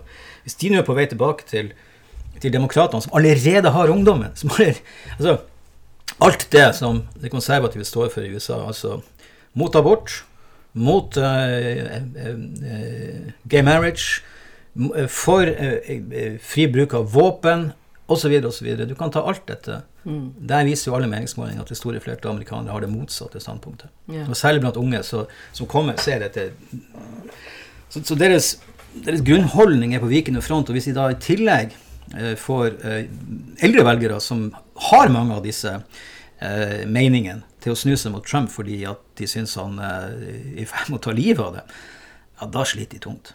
Da sliter de voldsomt. Det som skjedde litt med Hillary også, var jo det at eh, bevegelsen til Bernie Sanders lot jo være å stemme. Ja, ja. Hvordan tenker du det? Har de skjønt det? Jeg, jeg, du, jeg, du sa at Joe Biden kanskje ville blitt valgt hvis han hadde stilt istedenfor Hillary. Jeg tror Bernie Sanders ville vært president i dag hvis de hadde valgt han istedenfor Hillary. Fordi at det er Hillary var så unikt. Vi kan godt diskutere hvorfor, og, og det kan Jeg godt husker være du sa det jo tidlig. Ja, det kan godt vi, være ja. vi hadde jo en samtale på Ja, Piccadilly ja. lenge før valget, og Ja. du påpekte jo at Hillary-hatet kom til Ja. å beseire henne. Jeg mente jo selvfølgelig at det var jo bare tull. Ja. Men Det- du fikk jo rett. jeg, jeg, jeg, jeg sa det da, men så var meningsmålingen såpass klart at jeg bare sa nei, det her går greit. Fordi at Trump og Hillary, alle meningsmålere, det er de to minst likte presidentkandidatene ever i amerikansk valgkamp. Som noen gang har stilt. Jeg tror Bernie Sanders ville vunnet. Eh, men, men veldig mange av Bernie Sanders' regjeringer stemte på Jill Stein og på, på De Grønne og, på, og, og, og lot være å stemme. For de var så misfornøyd med, med Hillary. Kan du tenke sånn? De er ikke spesielt fornøyd med Joe Biden heller. Men de vil bli kvitt Trump. Det tror jeg. Jeg tror veldig mange av dem, altså De vil bli kvitt Trump. Tror du at det, tror du at det funka, det her med at de har Uh, New Green Deal, at Joe Biden har invitert med seg um, Sanders med på laget. Jeg skjønner jo at det her er jo mye skuespill i det her. Det er mye skuespill, og, og Sanders har jo fått Det sier han sjøl, og det, det sier republikanerne også, har dratt Biden i en sentrist. Han er mye mer radikal nå pga. Sanders, for å appellere til dem. Men, men unge velgere generelt, det er, det er et, igjen et sånn vippepunkt når det gjelder dette valget. Hvor, I hvilken grad går unge velgere ut og stemmer? Uh, selv om det, er i det blir jo en folkeavstemning om Donald Trump. Dette. Det er det. Ja, ja, ja. Det ville det blitt uansett hvem republikanerne hadde stilt med, så ville det handle om Donald Trump. Og vil unge folk er de, er de Stemmer de nok? Bernie Sanders hovedsalgsargument når han skulle bli nominert i valgkampen, var jo det at han I will bring you the young voters. Jeg skal få ungdommen til å stemme. Det disse eh, valgene i delstatene i, i valgkampen viste hvor de skulle, var jo det at ungdom gikk ikke ut og stemte. Bernie Sanders fikk ikke ungdommens stemmer eh, i primærvalgene i det hele tatt. Det, det, var, det var lavere enn det var eh, fire år før. Så han leverte ikke på det. Eh, og når de ikke går ut og stemmer på Bernie Sanders, vil de da gå ut og stemme på Joe Biden? Så det, det, det, det er et helt relevant spørsmål at, eh, om de stemmer eller ikke. Men jeg tror ikke så mange av dem vil stemme på Trump. De vil nok heller holde seg hjemme. Ja, Bernie Sanders dro det jo langt sist gang. Han holdt på helt fram til altså Han nekta jo å gi Hillary sin velsignelse. Jeg tenker at Ja. Han lærte. Han gjorde ikke det nå. Nei, pluss at, pluss at det er en, en kjempeforskjell til. Den gangen, og det kom jo frem, det var jo annet det som ble lekka av Wikileaks. Altså eh, establishment i demokratiske partier hadde gjort de alt de kunne for å sabotere for Bernie Sanders. Ja, og støtte til det. Det er det ingen tvil om at de gjorde. Ja. Og det oppfatta jo Bernies tilhengere, det oppfatta Bernie sjøl. Så, så derfor var han så forbanna og så lite interessert i å si ja til det. Nå eh, skjønner også Bernie Sanders, fordi at utslaget ble så enormt, at han tapte fordi folk i hans parti heller ville ha Bernie Sanders. Nei, ville ha Joe Biden. Og det er den store forskjellen. Det er jo det da miraklet som skjer i South Carolina, Ja, der ja. hvor Joe Biden blåser alle av banen, og de skjønner at vet du hva, det må bare bli sånn. Etter det så kollapser jo de andre. Ja, ja, ja, En etter en. Hvis Trump taper nå, hva skjer med det republikanske partiet? Hvem, tar, hvem står etter? Kommer det kommer Jeb Bush? Mitt Romney? Hvem blir, hvem blir lederskikkelsene? For det, det, det andre interessante her er jo også at det er senatsvalg. Og det er jo ti, ti seter som er virkelig toss up. Yeah. Åtte av de er republikanske yeah. og står eh, for fall. Blant annet Lindsey Graham Ja. den mest konservative Trump-supporteren. Det kan jo bli sånn at demokratene får uh, altså fullt hus. ja, ja. Men det hadde de i 2008 også. Ja. Og republikanerne hadde det i 2016. Men, men, men hva skjer med republikanerne hvis Trump nå taper? Nei, da, eh, da, blir det, da blir det et slags opprør i det, det republikanske partiet. Og eh, det er klart at da, da har eh, trumpismen tapt. Og da, er man nødt til å gå tilbake til den opprinnelige til den opprinnelige slagplanen. Altså vi må, vi vi må utbreie basen vår. Vi må appellere til, til bredere velgermasser for i det hele tatt å overleve. Eh, og det er på en måte det spørsmålet noen har stilt. Altså, er 2016 er det innledninga på en ny epoke i amerikansk politikk, eller er det, et- er, det, er, det, er det unntaket av en lang trend? Den lange trenden i amerikansk politikk har gått i retning av et stadig mer liberalt eh, folk. Eh, som jeg var inne på når det gjelder eh, livssyn og alt det der. Det blir stadig mer liberalt. Demokratiske presidenter, hvis, hvis, hvis Joe Biden, som han garantert kommer til å gjøre, vinner the popular vote, altså får flest stemmer ved neste valg Det betyr ikke at han blir Trump kan president. like Hvis han gjør det, så vil eh, demokratiske presidentkandidater ha vunnet sju av de åtte siste valgene når det gjelder eh, flertallet i folket. Sju, Det har aldri skjedd før i amerikansk historie. Så det politikken demonstrantene står for, er helt klart mer populært i breie folkemasser i USA. Eh, og før eller senere så klarer man ikke å holde det tilbake. Eh, så da må republikanerne tenke helt nytt. Hvem tar da over? Som du sier, veldig mange av de Det som er interessant med Lindsey Graham, er jo det at eh, jeg, altså, jeg, vet ikke hvor- jeg vet ikke hvor konservativ han egentlig er. Han er vel mer enn en maktspiller. Han framstår nå Altså, han, eh, han var jo en av Trumps sterkeste kritikere i 2016, før Trump ble nominert. Eh, han kaller han både ustabil og gal og, og en, altså en tulling, en idiot. Og så plutselig er han hans eh, beste venn og hans fremste våpendrager og, og, og støttespiller osv.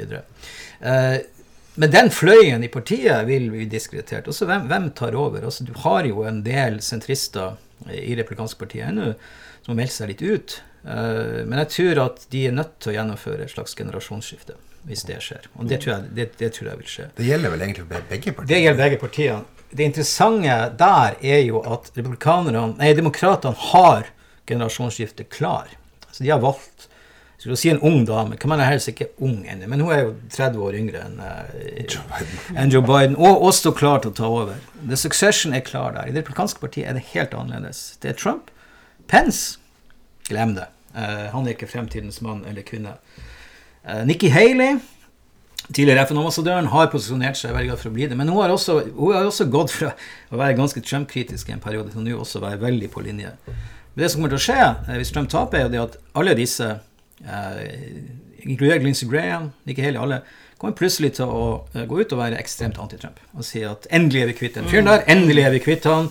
Vi gjorde, så, vi, vi gjorde så godt vi kunne for å begrense han. Det var det Ja, vi gjorde. ja. Vi var, ikke, vi var aldri enige med han, men vi, men vi tenkte at noen må passe på. Eh, og det har vært argumentasjon til, til de som har jobba i Det hvite huset osv. Det, det påstås jo i, i Bob Woodwards første bok om at der de forteller at de, eh, de bevisst gikk inn og tok ting av pulten til Trump. Så han ikke skulle skrive under disse lovene. Og fjerna det. Uh, og du hadde sånn, eh, en sånn anonym opphed fra en medarbeider i Det hvite hus som sier at vi, er, vi, vi jobber for Trump for å, for å unngå den største katastrofen, at han skal gå helt avskaftet. Og de kommer, det kommer alle som har vært hans støttespillere, til å si hvis Trump taper valget. For å prøve yeah. å, å berge sitt politiske skinn. Ja. Eh, som jo igjen bare vil, vil avsløre det, det hele som et, som et spill. Som et spill om makt, der alt som betyr noe, er hva kan jeg karre til meg sjøl. Det vil ikke akkurat bidra til å redusere populismen i USA, snarere tvert imot. Vet du hva den litt småskitne delen av republikanerne kaller Joe Biden og Kamala Harris? Hvordan kaller han dem her? Ja. Joe and the Ho. Ja. Å, herregud. Sleepy Joe. Ja. Eh, Men, So no. Ja, men men det, apropos jo- det er jo faktisk litt morsomt. Ja, det er faktisk det. Men, men hun høyesterettsdommeren Amy, som jeg igjen har glemt etternavnet på Barrett. ja. Uh, hun, Hvis hun blir valgt som høyesterettsdommer, så blir hun sittende på livstid nå. Mhm. Har vi noe tilsvarende i Norge, altså bortsett fra monarkiet, altså der folk blir valgt inn og blir sittende på livstid? Ja, nå blir du ikke valgt inn i monarkiet, da. De blir født. Nei, ja, ja, men allikevel, der sitter man jo gjerne på livstid. Hva, jeg Kan jo si at uh, Mette-Marit ble valgt inn.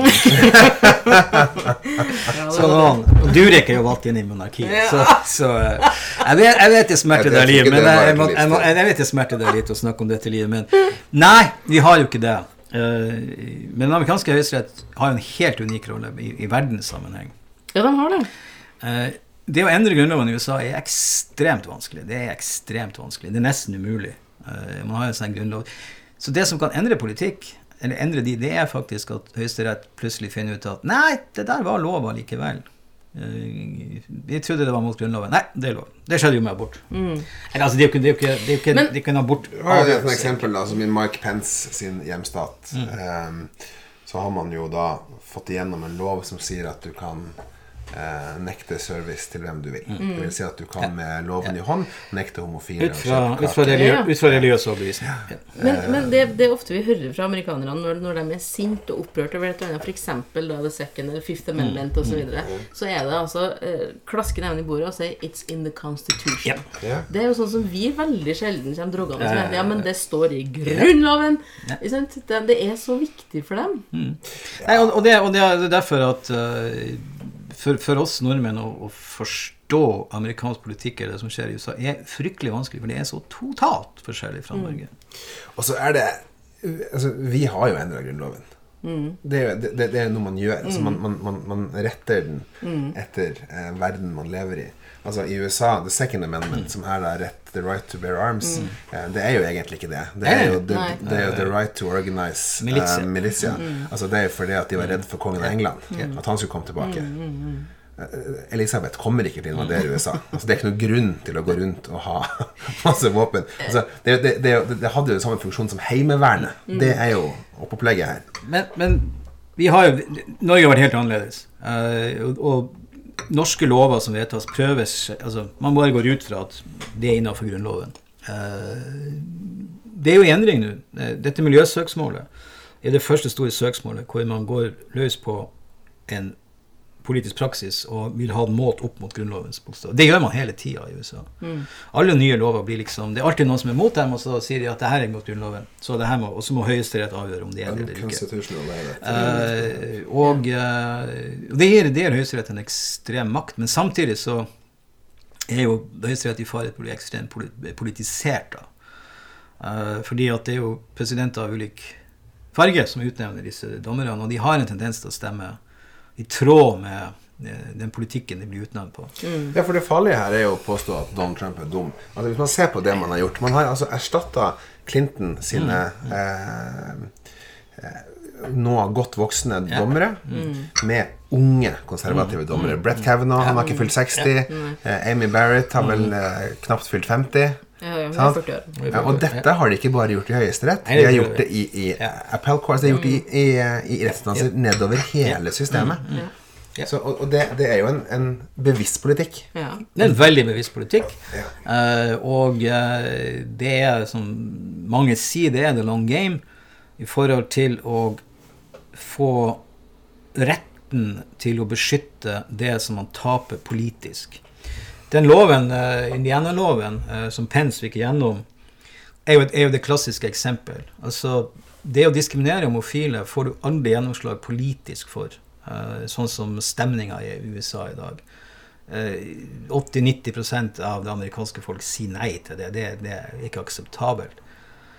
Men det man gjør, eh, og det som er Pence genistrek, han leder jo den, det, det er jo å si at ja, det er greit.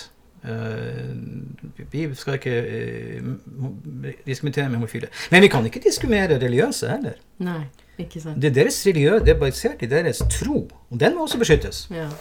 Og gjør dette. Og så sier man ok, ja, hvis du diskriminerer homofile fordi du mener at Bibelen skal følges, da er det greit. Men hvis du gjør det fordi du ikke liker dem, da er det feil.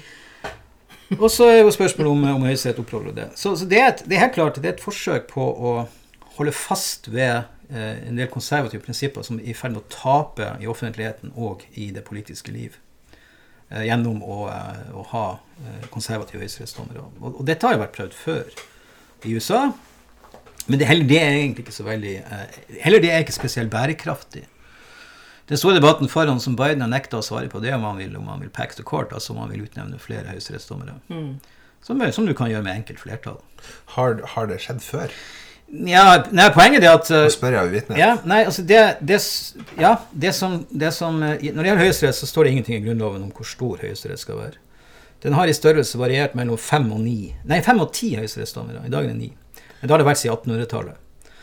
Eh, På, på, på 1850-tallet, eh, rett ved borgerkrigen, og det var strid om slaver, så ble Høyesterett eh, var som et trekkspill. Det var fem, seks, sju, åtte, fem, og så var det ned tilbake osv. Nye presidenter drev og flytta på det. Roosevelt prøvde seg på å, eh, å få nye høyesterettsdommere på 30-tallet. For det, akkurat den samme. Det, det som skjedde på 1850-tallet, var at det satt en haug med eldgamle høyesterettsdommere eh, som sa eh, slaveri er helt ok, det er ikke mot Grunnloven i det hele tatt. Lincoln ville ha det bort, de ville fjerne det. Da setter vi inn folk som er enig med det. Roosevelt på det samme. Veldig mange av hans lovgivning rundt uh, New Deal ble av Høyesterett erklært uh, unconstitutional, brøt mot Grunnloven. Han så også lei på det, så han uh, la fram et forslag om at for hver dommer over 70 år så skulle det utnevnes en ny dommer. Ah, Uh, det fikk ikke flertall. Det ble veldig upopulært, og det fikk ikke flertall i, i, i Senatet. Men det som, det som skjedde, var jo at plutselig så begynte uh, et par høyesterettsdommere som tidligere hadde stemt konsekvent mot hans forslag, å stemme for dem. Eh, for å hindre packing av, av, av retten. Og, og det blir helt avgjørende, tror jeg, for hvorvidt demokratene kommer til å ty til det grepet, uh, hva som skjer med Affordable Care Act uh, og uh, Roe v. Wade. Eh, hvis det, Den skal opp rett etter valget. eh, Affordable Care Act, som, man, som Trump ville ha erklært unconstitutional. Hvis Høyesterett med hans tre nye dommere sier at den er unconstitutional, så kan jeg, tror jeg kan garantere at demokratene kommer til å prøve å utvide Høyesterett. Og det vil de, i hvert fall etter meningsmålingene, lett få til, fordi at de kommer sannsynligvis til å sitte med både Ja. alle tre. Ja. Det er Forutsetningen er at de sitter med Nei, forutsetningen er at de sitter med to. De må ha Senatet og, eh, og eh, presidenten. For Senatet Det er Ja, Senatet som går rett på Senatet, Ja. Altså. Eh, I, dag, I dag Trump har jo bare to i dag. Han har ikke Kongressen, men han har Senatet. Og det er nok. Får de de to, så kan de eh, gjøre, gjøre hva de vil. eh, da vil de nok gjøre det. Hvis ikke tror jeg ikke de vil gjøre det. Eh, For det som Joe Biden sier, at der starter bare et våpenkappløp. Så utnevner vi tre. Neste gang vi taper valget, så utnevner de tre konser... Ah, altså? Og, så, og så er det egentlig bare og det, og det som er interessant å se, at uh, en dypt konservativ dommer som, er, som John Roberts, som er høyesterettsjustitiarius i, i flere Ikke i alle. mange, De fleste saker stemmer veldig med det konservative flertallet. Men i en del high, high profile, i det siste, så har han faktisk stemt sammen med det liberale. Og det mener man er fordi at Roberts er ekstremt opptatt av å bevare Høyesteretts integritet, og at den ikke skal oppfattes som for politisk. Og for å for enhver pris hindre at det kommer flere dommere. Så da gjør han litt det som dommer har gjort på 30-tallet. Roosevelt, At man stemmer mer liberalt enn man egentlig mener for å, for å bevare Høyesterett. Til- Tilbake til et spor vi var inne på i stad. Eh, jeg har en venninne som bor i USA, som har bodd der de siste 20 år, og som eh, sier at hun har slutta å lese norske nettaviser, for det som står der, er så avsindig. eh, Med tanke på Trump. Fordi at Trump har klart å gjort så mye i hennes delstat som jeg ikke husker hva er, altså med industriarbeidsplasser osv. Så sånn, at uh, norske bilder av han er en forvrengning av det hun har i USA. Eh, jeg, skjønner, jeg skjønner jo hva han mener, fordi at uh, Står det noen ting om Trump her i så Hvis du snakker Oslo-avisene, mm. for å bruke et litt utdatert uttrykk, så er det jo eh, Slik ble Trump eh, slik han ble på håret. Altså, så det, det står så mye tull og tøys, og, så, og hvis det står noen ting om hans politikk, så er det jo ekstremt ufordelaktig bestandig. Er dette fordi at media eh, tror at Eller ja, tror at det er det folk vil lese om? At vi vil la oss sjokkere den veien? Eller eh, Ja, altså det er jo eh, dessverre, dessverre sånn med, med media at de har en tendens til til å bekrefte fordommer istedenfor å, å avkrefte dem. Eh, fordi det er det som ofte gir lesere. Og så er det jo sånn at også journalister eh, er jo et produkt av der de kommer fra. Og norske, for norske journalister er Trump han er idiot. Altså, Han er så rar, han er så spesiell, han er så amerikansk. Det, du må nesten være amerikansk for å skjønne ham. Men, men, men, det, men det er et kjempepoeng som vi var inne på, det som nesten aldri kommer fram i norske medier, det er han faktisk har gjennomført veldig mange av sine valgløfter. Vi får bare høre at han lyver hele tida. Yeah. Det gjør han også, men samtidig, på visse områder lyver han ikke. Han gjennomfører. Og det er litt som har også en amerikansk venn som heter Dave. Eh, gammel bluesmusiker, absolutt ikke noe høyreradikaler. Så det første vi ble enige om, var at Donald Trump er is an asshole. Han er et fryktelig menneske. Men så sier han but I like his politics. ah, Han driver, han driver et, lite, sånn, et lite firma. Eh, Skattelettene, sier han, gjorde at han for første gang fikk råd til å gi sine ansatte medical insurance. Eh, Jeg tror han sier at det var det han brukte pengene på. Så ja, Trump er ufyselig, men politikken hans er ok. mm. Og det, og det er der vi, vi henger oss i veldig stor Og om Trump er ufyselig altså Han er jo et fryktelig menneske. Men ikke alt han gjør, er dumt. Mm. Eh, og der, der er, den, den nyansen får ikke norske medier fram. i det Nei, nei, nei, nei, ikke snakk om, altså. Det, Og ikke for, ikke for f.eks. en kanal som CNN får det heller ikke fram. Hvis vi hører på CNN, så er det nesten verre enn den norske medier når det gjelder at alt Trump gjør, er idiot, og han er gal og Ja. er fryktelig. Det er jo også et eh, problemstilling. Eh, hvis vi setter CNN og folk sine opp mot hverandre. Jeg innser jo også at den gamle sluggeren CNN, som i mange år har vært i hvert fall mitt sannhetsvitne, eh, det er jo 60 Minutes eh, De er farga. Altså, man ser, det, det lyser så igjennom hva de ønsker. Det samme gjør jo Fox News. Ja, ja. Um, men utfordringen er jo også at man har jo fått de her begrepene hit når man kaller VG og Dagbladet mainstream media. Altså, jeg syns jo Dagbladet har blitt en dårlig avis, men jeg tror ikke at de ljuger til meg. Nei, nei, nei. Sant. nei, nei, nei. Så, og det er litt sånn Og du jobber jo i avisa. Ja, ja, ja. Er det sånn at Får du høre det? Nei. Jo, og, jo, jo, jo, men ikke sånn, ikke sånn eh, Ikke direkte mot oss. Jeg tror ikke vi er viktige nok. Eh, Det er, det er mer NRK, VG, og, altså de store. Der får vi stadig vekk Å, mainstream media, de er bare lyg, bare lyg i media, osv. For du har jo også Resett her, da. Ja, ja. da Det, og det er de som sier det, for dem er jo det eneste uh, media i Norge som forteller sannheten. Det er det. Men jeg tar meg jo sjøl i, i, å- i å være sånn, jeg òg. Selv om jeg er på venstresida. Ja. sant? Jeg leser jo The New Yorker, jeg leser Newsweek. Ja. sant? Jeg leser jo de som gir meg det jeg vil ha. Og så fnyser jeg og ler av Resett og Human Rights Watch, eller hva de heter. Vi, må, vi er nødt til å innom en, en fyr i podkasten som bruker å være en liten gjennomgangsfigur. Det er nemlig Jan Hanvold. Ja! Fordi- Da, Ja. Da, ukens Jan. Ja. Hva har Jan What would Jan Hanvold do? Ja. Kjenner du Jan Hanvold? Nei, jeg, jeg, jeg, kjenner- ikke personlig i det hele tatt, Nei. men jeg kjenner jo til han selvfølgelig. Det er jo Ja. min claim to fame på Snowtalk at Jan Hanvold en gang i en Facebook-diskusjon har kalt meg fariser. Oi, oi, Ja, oi, oi, og jeg bærer det med den største ære. Ja, ja, ja. Du Det er jo en hedersbetegnelse. Ja. Når den kommer derfra. Ehm, nei, fordi at han er jo Han sier jo det at vi skal ikke stole på mainstream media som, som NRK osv., som bare er bærere av fake news. Vi må heller lese troverdige nyhetskilder som Resett, Dokument og Se på Visjon Norge. Ja, Det, det mener Men han. jeg ser ganske mye på Visjon Norge. Det gjør du. Det skal du ha. Jeg syns jo det er rasende underholdende. Men eh, altså, Jan Hanvold er jo Vet du, Halleluja. halleluja. Ja, ja, ja. da, ja halleluja. Amen. Ja, nå kom vi ikke helt inn i predikantmodus. Ja, det gjorde du. Det er helt greit. eh, men uh, Hanvold elsker jo Trump. Han, har jo, Mm. eh, han vil jo gjerne at hans tilhengerskare skal be for at Trump får nye fire Mm. år. Og de skal be daglig om dette. For det er det Thoughts som skal. Ja. Ja, ja. Eh, og han, Hanvold vil jo blant annet ikke at eh, vi, må, vi må passe på så vi ikke velger politikere i Norge som lærer at vi kommer fra apekattene. For eksempel, Han er jo også kreasjonist. da. Men han har nå skrevet for to dager siden, så skrev han på Facebook Om oss? Nei, Søren! ikke ikke denne gang heller. så- Jeg, jeg skjønner at vi jobber med saken. Bare fortsett å jobbe med saken, så kommer jeg før jeg kjenner vi prøver å få Jan Hanvold på, på kroken. Men det, er, jo- men det er jo faktisk det eh, veldig mange som jeg, jeg fortalte om disse The Lincoln Project. Uh, deres strategi er ganske klar. De prøver å irritere Trump så mye at han svarer med, et- med Twitter-angrep. Og på de, på de mest sånne infame angrepene på han, så kan det bli sånn 18 tweet, tweet i løpet av en natt. Og det er disse losers og Så, videre. så sier de det er fantastisk for oss, for da går det viralt. Da går det viralt. Så får dere Hannemal til å begynne å tweete om dere, så kommer dere også til å gå viralt. Skal jeg bare stikke inn en sånn Lincoln Project før ja, du får du. Hanvold uh. Um, en av de absolutt vakreste uh, og jævligste uh, videoene Mm. er jo når Lincoln Project nå har lagd videoen 'It's Morning Ja. Again Ja. in America'. så- Altså, ikke, ikke 'Morning', Nei. men da Morning, 'Sorg', som spiller på den ekstremt effektive videoen til Til Reagan, Ronald Reagan Reagan. i, Ja.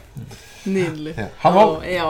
Nei, for Hanvold vet jo hvordan det går i valget. Selvfølgelig. Ja. Han har jo kontakter der oppe. Har han sådd et frø? Mm, Han har vel skrevet i hvert fall Allerede nå kan vi slå fast at Donald Trump har vunnet valget. Ja! Så vi gleder oss til en ny fire års periode med Trump. Ja. Presidenten som skaper fred i Midtøsten, som har flyttet ambassaden til Jerusalem, og gjort at flere land flytter sin ambassade til Jerusalem, Israels hovedstad. Ja. Det, da det skjedde, sa alle politikere og media i Norge at nå ville det bli blodbad i Midtøsten, men det motsatte skjedde. Trump har fått fart på økonomien i USA, de svarte og andre har fått det bedre under Trump, vi har en, ja, så videre. ja, i den grad det har blitt skutt eller fått det bedre, så er jo det sant, det, da. Ja, han skriver skrev jo faktisk også om rasistbevegelsen Black Lives Matter. Ja. Ja. Halleluja. Halleluja! Ja, nei, Hanvold må, må med på, i vår podkast. Det skjer liksom noen ting hver, hver eneste uke på hans Facebook-profil. Og det Ja. står artigheter vi må Det er veldig artig, for det er liksom det, altså, Man vet at man taler i tunger, men g- grammatikken til Hanvold er så dårlig at han ofte skriver i tunger. Også. Ja, ja, ja. Men der ligner han jo. Men der ligner han på sitt store forbilde Donald Trump. Han skriver og snakker også ofte i tunger. Det, er- det, det er jo laga sånne oversikter over og sitater fra Trump, og han sier så mye feil. Han sier så mye rot. Eh, og det var jo Han skulle, var, var vel oppe og skulle fortelle om uh, han var in Detroit. Detroit gave us Motang. Mo Motang, Motang music. Det er man ganske det, det, Ja. Nei, han prøver, da. Han prøver. han prøver, han prøver, han prøver veldig, veldig mye. Halleluja. Ehm, ja, nei, altså Det det er kanskje drømmegjesten Jan Holmvold? Ja. Herregud. ja, det må jeg si. Det sa herregud, skulle jeg ikke ha sagt. Ja, det er nok Ja, det, det var ikke herregud, det var Jan Holmvold. Men det er jo to sider av samme sak, da. De er på samme lag. Det vet jeg faen. Ja, det vet han. Jeg skulle, jeg skulle, ønske, Han mener i hvert fall det. jeg skulle ønske alle kristenpolitikere var som Valgjerd Svarstad Haugland. Ja. Da var, det, da var det mye hyggeligere. Ja. Jeg liker Valgjerd. Ja, hun, ja. Nei, nei, men igjen, vi er, vi er litt tilbake til, til det vi snakker om Bush, Reagan osv., og, så videre, og Mitt Romney osv. Han er dundrende politisk uenige, men allikevel ha et, ha et forhold til folk fordi at de er ok mennesker. Det, er, det er nesten umulig. med Liksom Jo Ja. Benkow. Nesten umulig. Ja, Jo, Benkow. Ja. Det er ikke sant. Fin fyr. Mm. Ja. absolutt. Er det sånn at vi nå begynner å runde av? Nå er Air Force One holder på å gå inn for landing. Du, den var fin, Fredrik. Ja. Det var nydelig. Ja, det, det, det er ganske artig, for det, det, det foregår også en kjempediskusjon i USA. Fordi at Donald Trump ønsker å gjøre om dekoren på Air Force, Air Force One til det klassiske blå med gullkanten på, som alle har hatt siden, ja, siden lenge, til en sånn rød sak med ørn på. Åh. Kjære vene. Og USA i gull. For nå står det jo Det er jo ganske pen dekor på Air Force One. Men jeg tror, eh, jeg, jeg tror de kommer til å skatle det. Det Ja. å bli Nei, men, men Trump har jo også erklært uh, uh, på en omvisning til noen folk i, på, på The Oval Office som peker han sånn der at uh, I've redecorated it. And I'm an extremely good uh, interior decorator. Det er gull, da. Gull og marmor. Ja. Er det noen som har tenkt over at det er ganske godt gjort å male seg inn i et hjørne når man er på et ovalt kontor? Oh. Trump klarer det meste. Ja, han gjør det, altså. Men det er jo sånn, og det, det her det er sånn digresjon helt på slutten. Det her er så, er så jævlig imponerende at de klarer det. Det er jo sånn at fra den gamle presidenten setter seg inn i bilen og kjører opp til Capital for å overvære eh, inntredelsen av det nye, så hiver de seg inn og eh, redekorerer det ovale kontor. Sånn at når den nye presidenten kommer tilbake, så er det helt nytt. Nytt teppe, nye farger, ny tapet. De må bare velge på forhånd hva vi vil ha. Ja. Nye gardiner. Herre fred, altså. Og ofte så sier man jo det at det er jo The First Lady som har gjort det. Det stemmer, stemmer vel. Nei, det tror jeg sa. A rug decorated by his wife. Hva het uh, Patty Nixon? Okay? Ja, Pat. Ja, Pat. vet du det? Pat Nixon. Nixon. Vet du også en sånn urban legend? At, De, de, det er mange som påstår det at uh, det, det er jo alltid riksvåpen på teppet i Det hvite hus. Altså den her ørna ja. som holder freds... uh, Han holder vel laurbær og piler. Ja. Og så er det mange som tror det at når USA går i krig, så bytter de teppe. For da snur ørnen hodet mot pillene. Bare tull. Det hadde vært så kult hvis det var sant. Ja, men Ja, det var. Men det Det er er nesten sånn at ingen, ingen forbauser oss. Men eh, for avslutningsvis yeah. jeg, eh, Personlig, etter fire år nå eh, med Trump jeg, bare, jeg, jeg har fått en sånn en ny saying i, i skolten fordi at eh, vi ble så overraska at eh, Jeg har alltid det som en sånn krisesaying i mitt hode. Eh, for eksempel, hva kan gå, gå galt med quizen? Kan lyden skjære seg? Nei. Kan bla, bla, bla? Kan det bli kr- krangel på det spørsmålet? Kan et eller annet? Og så er svaret alltid ja, alt kan skje. Trump blir president. Alt Ja. kan skje. Ja. Ja. Og det samme for øvrig også. Vi bør ikke innom der, men jeg tenker også nå da, hvis jeg dummer meg skikkelig skikkelig ut, så tenker jeg at. Jeg tror ikke jeg. Men hvis jeg dummer meg skikkelig skikkelig ut en gang, så, så trøster jeg meg også med brexit. David Cameron. Uh, jeg har i hvert fall ikke satt i gang en avstemning. Kanskje det største politiske kukstykket ever. Ja, det må det være. Å ødelegge både ettermælet, jobben sin og alt. Uff, ja. Jeg bare viser at du skal, du skal aldri legge noe ut til avstemning som du ikke er sikker på å vinne. Nei, du skal ikke for all del ikke spørre folk. Vi må, vi må bare, før vi runder av, vi må tippe litt resultat. ja. Jeg tippa sist eh, for fire år siden. Dreit meg fullstendig ut. Eh, jeg tror min gode venn Eivind Undrum tippa landslide for Hillary. Eh, hva tror vi? Nei, Liv? jeg vet ikke, og jeg, jeg tør ikke å si noe. Jeg, jeg tipper jo Biden går av med seieren, men jeg, jeg, blir ikke overraska, altså. Jo, jeg blir overraska, det gjør jeg. Men eh, eh, meningsmålingene nå tyder jo på at eh, han vinner egentlig ganske kolossalt. Men det er så mye som kan skje på kort tid. Det kan, eh, det kan bli en bedring i koronasituasjonen som eh, gjør det er i favør for Trump. Det vet ikke. Nei. Herr Sneve. Eh, meningsmålingen har tatt feil før, og meningsmålingen tar feil, men for øyeblikket så leder Joe Biden i alle vippestater. Absolutt alle. Han leder med opptil 15 prosentpoeng i enkelte av dem. Eh, Jeg tror han leder med 10 i Pennsylvania, som Trump tok sist. Så meningsmålingene må ikke bare bomme like mye som sist, de må bomme uendelig mye mer. I tillegg så er det Det er jo, det er jo to grunner til at sittende presidenter taper et valg. Og det er enten ei økonomisk krise eller ei ikke-økonomisk krise. Eh, I 1980 var det begge deler. Gisselkrise pluss økonomien i kollaps. Eh, Gammel Bush tapte pga. elendig økonomi. Nå sitter Trump har både koronakrise og en økonomi i fritt fall. Så det skal ikke være mulig for han å vinne. Men det kan skje allikevel, fordi alt kommer til å handle om oppmøte. eh, og, og hvor mange som klarer å komme seg til stemmelokalet, og hvor mange som kommer til å stemme. Så eh, har meningsmålingen rett, så blir det landslide for, for eh, demokratene. Egentlig både i kongress og president. Bommer de litt, så blir det. Jeg tror det blir jevnere, men jeg tror eh, Jeg er ganske sikker på at Joe Biden vinner. Jeg tror ikke det blir en eh, Nixon-McGovern. Og jeg tror kanskje vi er nærmere enn Reagan-Carter. Ja. Um, jeg tror det blir Jeg tror både Texas og Florida flipper. Um, men så har jeg mentalt gardert meg. For det hadde jeg ikke sist. Ja, jeg tenker at alt kan skje. Jeg tror helhjerta at Joe Biden vinner. Men skulle eh, Trump på mirakuløst vis gå av med seieren, så er jeg så trygg på at både Representantenes hus og Senatet kommer til å være demokratiske etter valget. Og da er han fire år med lame duck. Ja, ja. Eh, men eh, nei. Riding with Biden. ja. Godt sagt. Eh, Stein, hjertelig takk for at du kom. Takk for at du fikk komme. Det var utrolig hyggelig å være gjest. det Ja, var- må vi gjøre mer. Ja, ja, ja. Kjempe, kjempetrivelig. Bare å invitere. Ikke minst en veldig god unnskyldning for å lage apple pie. Og den var deres strålende. Du har jo alltid hatt kaker, da. Ja da, men vi har ikke hatt eplepai før. Nei, sant. Eh, skal vi, må nesten avslutte sånn som de gjør i USA, da. Eh, med, på TV-opptredener og sånn, så ser de eh, Nei, det, det er begynnelsen, ikke det? Begynnelsen, ja. ja. Men de sier alltid And may God bless the United States of America. Ja. Takk for at du har hørt på Snowtalk. Kanskje verdens minst aktuelle Ikke i dag. Nei. Litt mer aktuell i dag, men verdens hyggeligste podkast. Ja.